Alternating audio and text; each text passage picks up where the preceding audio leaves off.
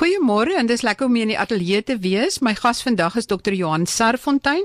Hy's 'n konsultant van die Healthman Gesondheidskonsultasiegroep. Baie welkom Dr. Serfontein. Uh, baie dankie en uh, dankie en goeiemôre aan al die luisteraars. Ja, ons gesels ver oggend oor voorgeskrewe minimum voordele want daar's heelwat probleme tussen die dokters en die mediese fondse en ehm um, Miskien kan jy net begin deur vir ons te sê wat tel as 'n voorgeskrewe minimum voordeel en wat is die probleem tussen die dokters en die mediese fondse?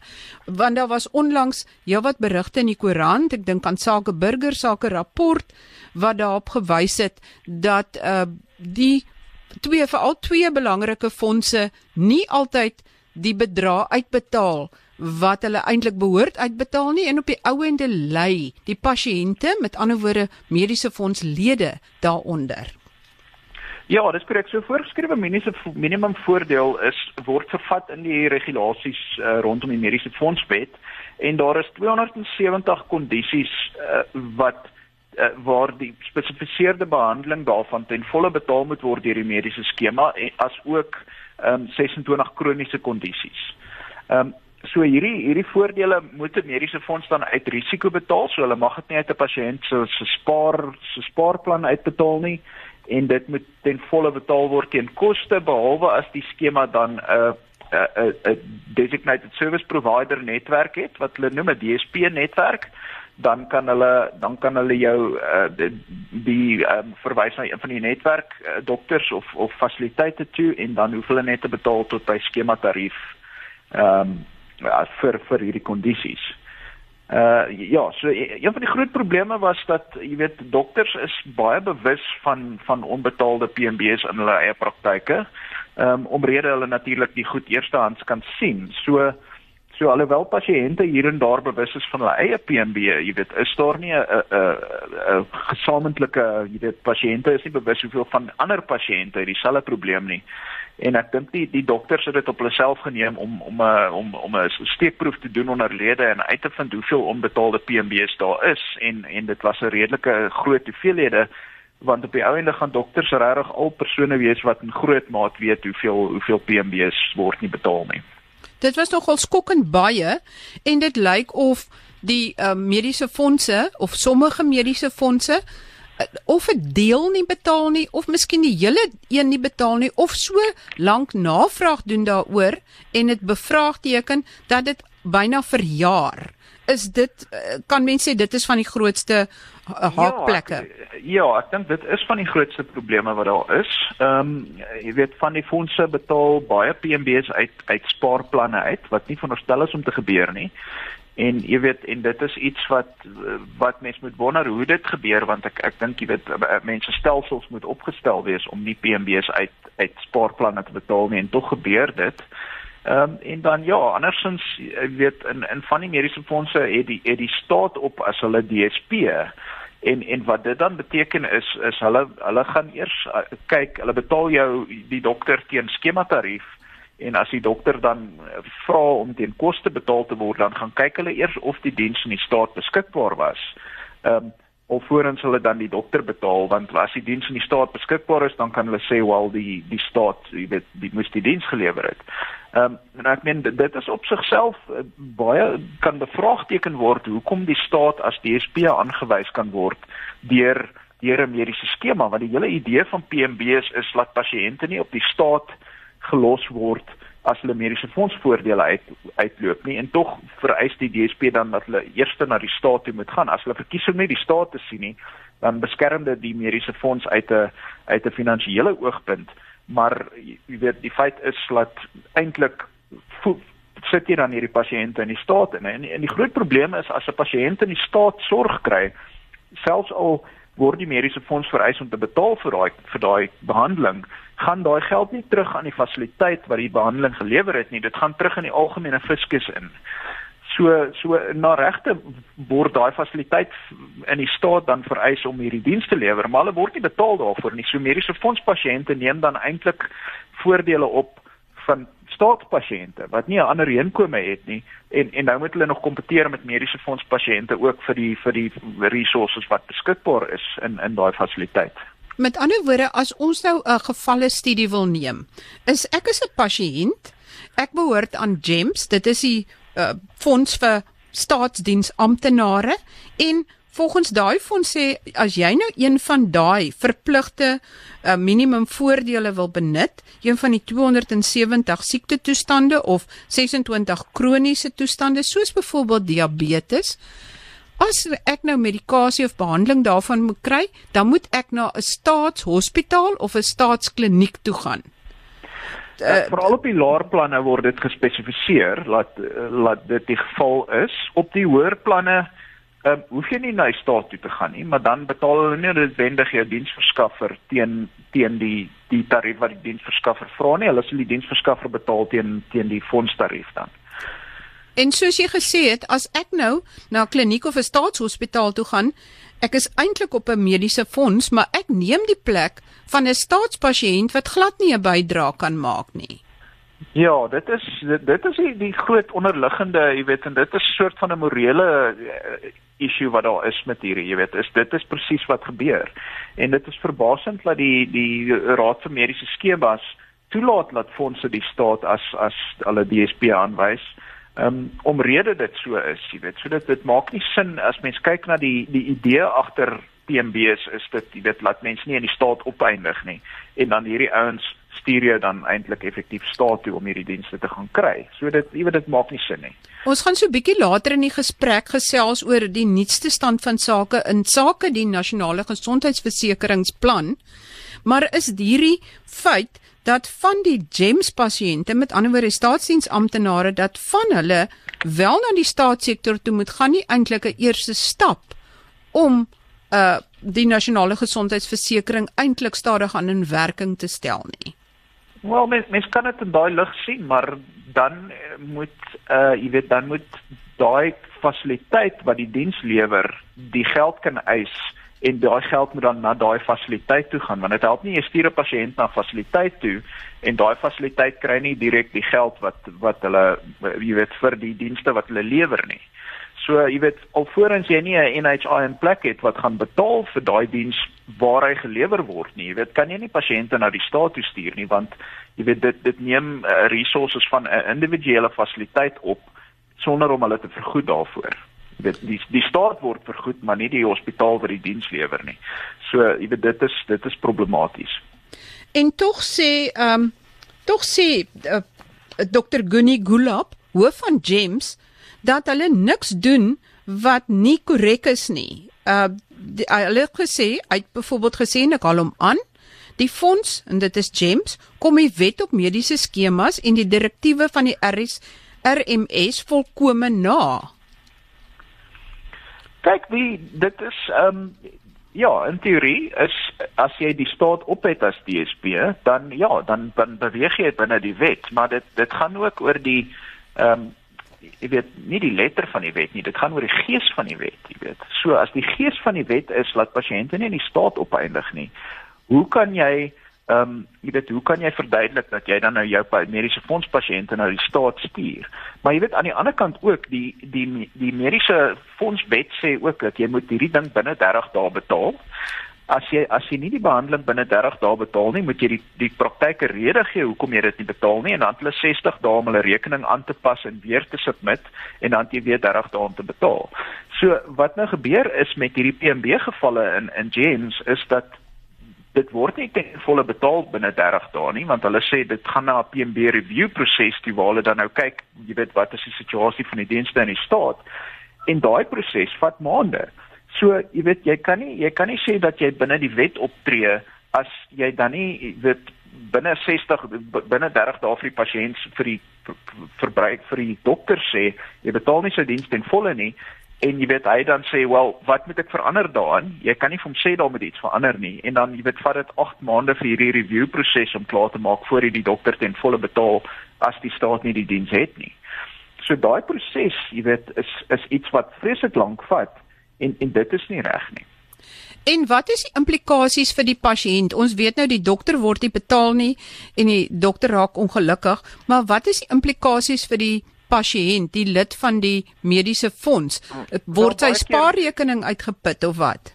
Ehm um, baie keer is dit net 'n kwessie van die dokters vra bybetaling van die pasiënt en hulle moet dan effektief uit hulle sakke uitbetaal vir hierdie behandeling.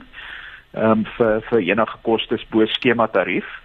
Ehm um, die ding natuurlik in in die GEMS situasie is dat dat geweldig baie dokters voel verskriklik jammer vir GEMS pasiënte as staatsamptenare en hulle vra nie bybetalings aan pasiënte nie wat beteken dat die dokter dan sit met daai verlies in sy praktyk en dit is ongelukkig hoekom die dokters baie ongelukkig is oor hierdie situasie is omdat dit vir hulle praktyke verliese lei want hulle vra nie daai geld van GEMS pasiënte nie omdat hulle vir hulle jammer voel En wat van die argument dat van die mediese fondse sê dat die dokters eintlik die situasie uitbuit omdat hulle weet dat mediese fondse vir minimum voorgeskrewe minimum voordele moet betaal dat hulle te veel vra daarvoor.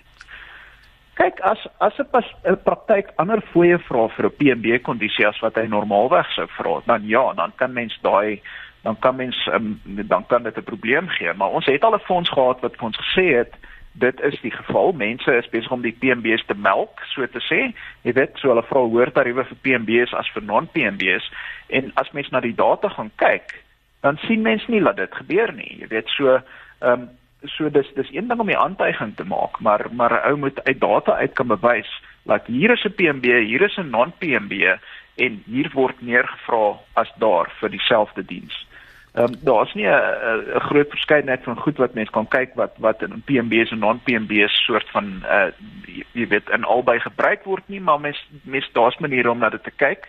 En ons het so oefening gedoen op 'n stadium op 'n spesifieke mediese fonds en dit het nie gewys dat dat daar verskil is tussen hoe mense vra vir PMB's en non-PMB's nie. Dr Jonathan Broomberg, die uitvoerende hoof van Discovery Health, het ook gesê dat sy maatskappy of die maatskappy dis nou Discovery Health en die mediese fondse voldoen aan al die toepaslike wetgewing vir voorgeskrewe minimum voordele. Maar al as hierdie uh, mediese fondse aan die een kant sê hulle voldoen aan die voordele en die dokters is ongelukkig en die pasiënte moet dan nou bybetalings maak of die dokters moet dit die die ehm um, dit afbyt dat hulle daai basies daai skuld dra. Wat staan mense te doen om hierdie probleem op te los? Wel, ek dink dit is presies waar die Raad vir Mediese Skemas betrokke moet raak, want die Raad vir Mediese Skemas moet half optree as 'n regter in hierdie geval om te sien wie van hierdie twee partye is reg, want die een klomp sê hulle hulle tree op binne die wet, dokter sê hulle tree nie op binne die wet nie.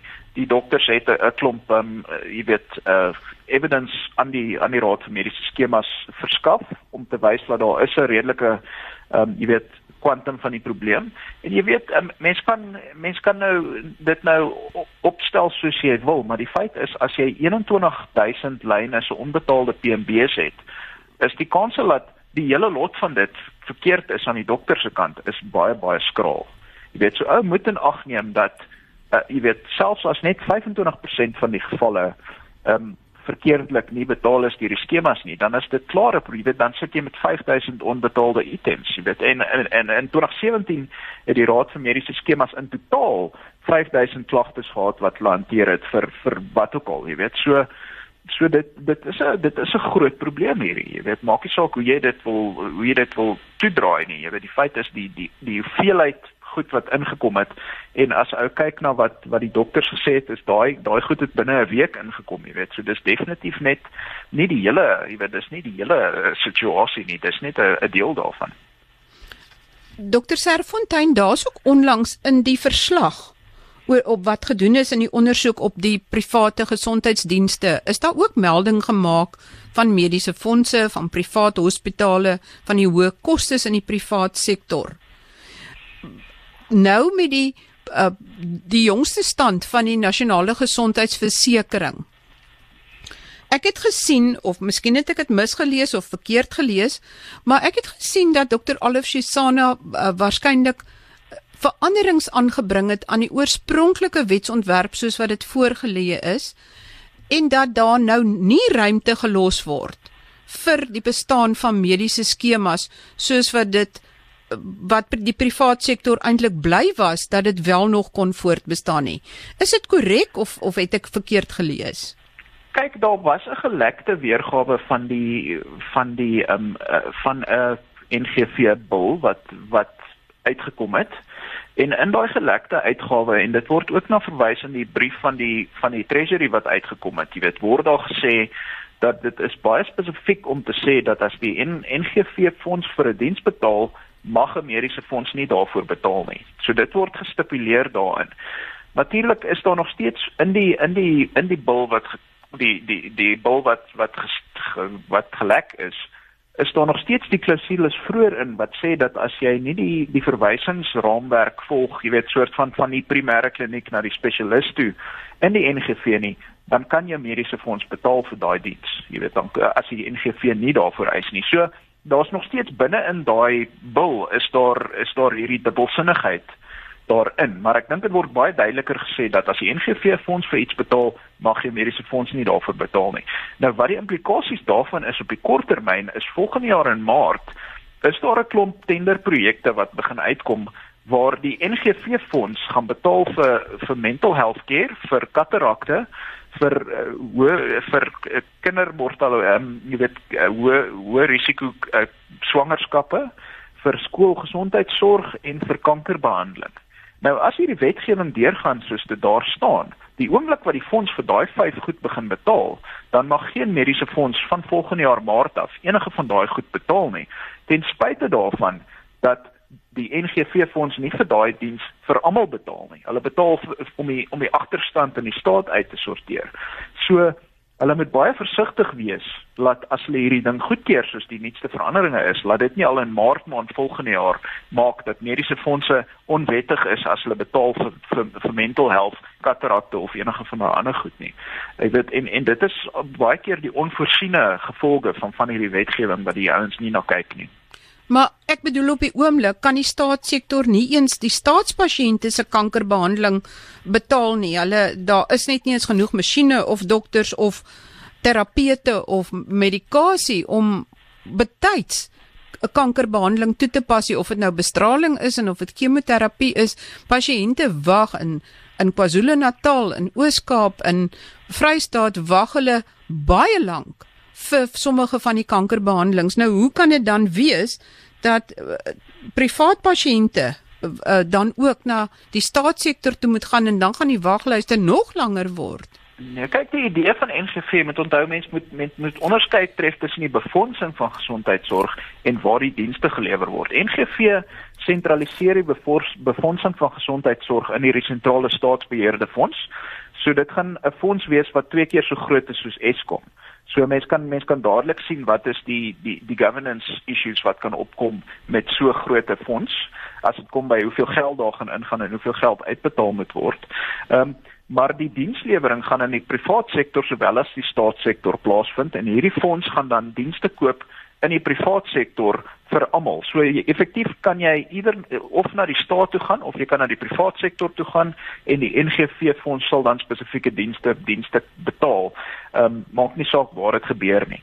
Die groot probleem is dat om met die NGV fonds te kan kontrakteer, moet jou die kwaliteit van die dienste wat jy lewer op 'n sekere standaard wees. Tans soos die staatssektor daar staan, gaan omtrent net 27 uit 3800 staatsfasiliteite kwalifiseer om met hierdie NGV fonds te kan kontrakteer volgens volgens die die regulasies en volgens die die Office of Health Standards Compliance.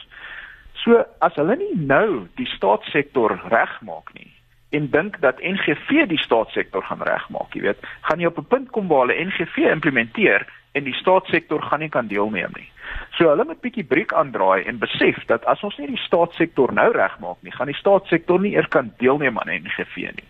En dit gaan maak dat ons 'n baie groot probleem het want wie gaan die dienste lewer aan al die pasiënte wat tans die staatssektor gebruik? Die private sektor kan ook nie daai pasiënte akkommodeer almal nie. Ek is net bekommer dat as dit as dit via die die NVG gaan, dan kan hulle voorskriftelik wees oor watter tipe kankerbehandeling goedgekeur is of wat op hulle protokolle is en nie noodwendig wat die onkoloog dink wat die beste is nie. Is ek reg of verkeerd? Ja, dit is dit is een van die dinge is dat daar sal baie streng protokolle en formulêre in plek wees vir alles. En en omrede, jy weet, ehm um, die die Wêreldgesondheidsorganisasie sê ook dat geen land kan bekostig om alle dienste verniet aan almal te lewer nie. En en dit is iets wat ons baie keer ignoreer want ons ons NGV die plan is dat almal gaan gratis gesondheidsorg kry en dit lyk of dit redelik alles gaan wees wat gratis gaan wees. Maar daar gaan beperkings wees want sommige goed gaan net plain te duur wees. En in in die Suid-Afrikaanse situasie waar 90% van mense nie mediese fondse sal kan bekostig as die NGV in plek kom nie, beteken dit dat enigiets wat die NGV nie dek nie, gaan 90% van die populasie net nie daai toegang hê tot daai behandeling nie en as dit iets is soos kanker of een of ander ander rare siekte dan gaan jy ongelukkig dit nie probably nie oorleef nie. Ehm um, so jy weet dit is 'n dit is 'n hulle moet onthou die in die Suid-Afrikaanse situasie moet mense mens moet 'n oplossing kry wat voldoen aan die die Suid-Afrikaanse vereistes en om te gaan om om 'n enkel betalerstelsel soos Kanada uh, te vat en dit hier te wil kom toepas in 'n in 'n heeltemal 'n ander situasie. Jy weet Kanada sit met ehm um, geweldige hoë belastingbasis. Hulle sit met baie lae ehm um, werkloosheid. Jy weet Suid-Afrika het 'n baie baie klein belastingbasis wat vir hierdie hele ding moet betaal. Ons het geweldige werkloosheid en ons het geweldige siek populasie. So om te dink dat jy so iets kan befonds uit belasting uit is 'n is is problematies om mee te begin want daar is net nie genoeg belastingbetalers in Suid-Afrika nie. Ek meen ons het meer mediese fondslede tans as wat ons belastingbetalers het. So nou wil jy hê die die kleiner hoeveelheid belastingbetalers moet vir almal se dienste betaal. So dit is 'n probleem. So die staat moet begin kyk na ander maniere om universele gesondheidsorg in Suid-Afrika te implementeer sonder om hierdie enkelbetaler NHI model op op die situasie af te dwing want die enkelbetaler model gaan nie die probleem oplos nie. Dr Serfontein, dis nou hierdie hele debat oor uh, um voorgeskrewe minimum voordele en die ongelukkigheid tussen dokters en mediese fondse. Maar as die NGV in werking kom, uh, is dit die moeite werd om dan nou te beklei oor mediese fondse as daar 'n kans is dat dit nie regtig gaan voortbestaan nie? Kyk, ek dink as mens mens moet ook sien dat die NGV is maar ver in die toekoms. Ek dink ons het nou 'n groot klomp werk daaraan gesien gebeur omdat volgende jaar 'n verkiesingsjaar is. So ons het gesien elke keer wat daar verkiesingsjare is, dan sal skielik 'n groot klomp werk wat aan NGV gedoen word want dit word gebruik as uh, as 'n as 'n verkiesings uh, jy weet marketing ding. Ehm um, maar die feit is dat jy weet ons die onderliggende probleme is is soveel dat dit gaan baie jare wees voor ons enige plek naby kom aan iets soos die NGV en intussen tyd moet ons probeer om om die stelsel reg te maak soos hy soos hy tans staan in die private sektor. Ek ek het ook afgelei uit die, die antwoorde wat Tesorie gegee het oor die toekoms van NGV dat die Tesorie self dink dat dit eintlik uh, nie haalbaar is op die oomblik nie. Ja, eh, ek dink dit is definitief die ding. En ek meen as mens kyk wat in ander lande gebeur het, in Ierland het hulle ook 'n NGV um, ehm, model in soort van 2011 ingebring wat hulle wou toepas. 4 jaar later het hulle die kosting daarvan gedoen. En toe kom hulle agter, o, maar hulle kan dit nie bekostig nie en hulle het dit geskraap en hulle is nou besig om aan 'n nuwe stelsel te werk. Nou ons het nou in die in die 10 jaar wat ons nou al besig is met hierdie proses, is daar nog op geen stadium 'n costing gedoen van hierdie ding nie. Nou ek meen mense kan nie mense kan nie sê ons moet dit doen voor jy nie weet of jy dit kan bekostig nie. En soveel soos die minister van gesondheid sê, wel, ons kan nie bekostig om dit nie te doen nie. Jy weet, is daar 'n is daar 'n definitiewe verskil in in of ons dit uit belastinggeld kan bekostig. Want as ons dit nie uit belastinggeld kan bekostig nie, dan moet mens kyk na ander maniere om die gesondheidstelsel te red en iets soos om mediese fondslidmaatskap verpligtend te maak vir almal wat wat werk kan jy 'n klomp mense uit die staat uithaal en dit sal ook die private sektor goedkoper maak vir almal wat 'n deel is daarvan want jou risikobasis is dan groter. Nou as mens 'n minimum wage kan implementeer in Suid-Afrika, hoekom kan jy nie mediese fondslidmaatskap ook verplig vir vir werkgewers nie en en werknemers nie? Ehm um, jy weet so daai tipe van oplossings is 'n vinnige oplossing. Dit vat nie vreeslik veel om daai verandering te maak nie. Skielik het jy 18 miljoen Suid-Afrikaners op mediese fondse in plaas van die 8 miljoen wat jy tans het en dan is daar jou 10 miljoen mense minder wat die staatsdiens gebruik en die staatsdiens in in op sy beurt kan dan begin om die kwaliteit issues reg te kry omdat daar minder mense is wat deur die staatsstelsel beweeg. Met daai belangrike opmerking moet ons eers vir vandag afsluit. Baie dankie Dr. Johan Serfontein. Hy's 'n konsultant by Healthman en ons sê baie dankie vir daardie insigte. Ons sal voortdurend met hom gesels om julle op hoogte te hou oor wat aangaan met die nasionale gesondheidsversekeringsplan en ook met mediese fondse wat die aspekte daar is. Geluister gerus volgende week weer en die week daarna na gesondheid op RSG. Baie interessante inligting oor die gebruik van kunsbloed by ongelukstonele, oor 'n nuwe manier om proteses direk in die been in te plant sodat dit amper deel van jou been word. Nuutste behandeling oor kolonkanker met lewermetastasis wat goeie ehm um, resultate oplewer. Maar ek groet nou eers vir die week en ek gesels volgende week weer verder. Totsiens van my Marie Hudson.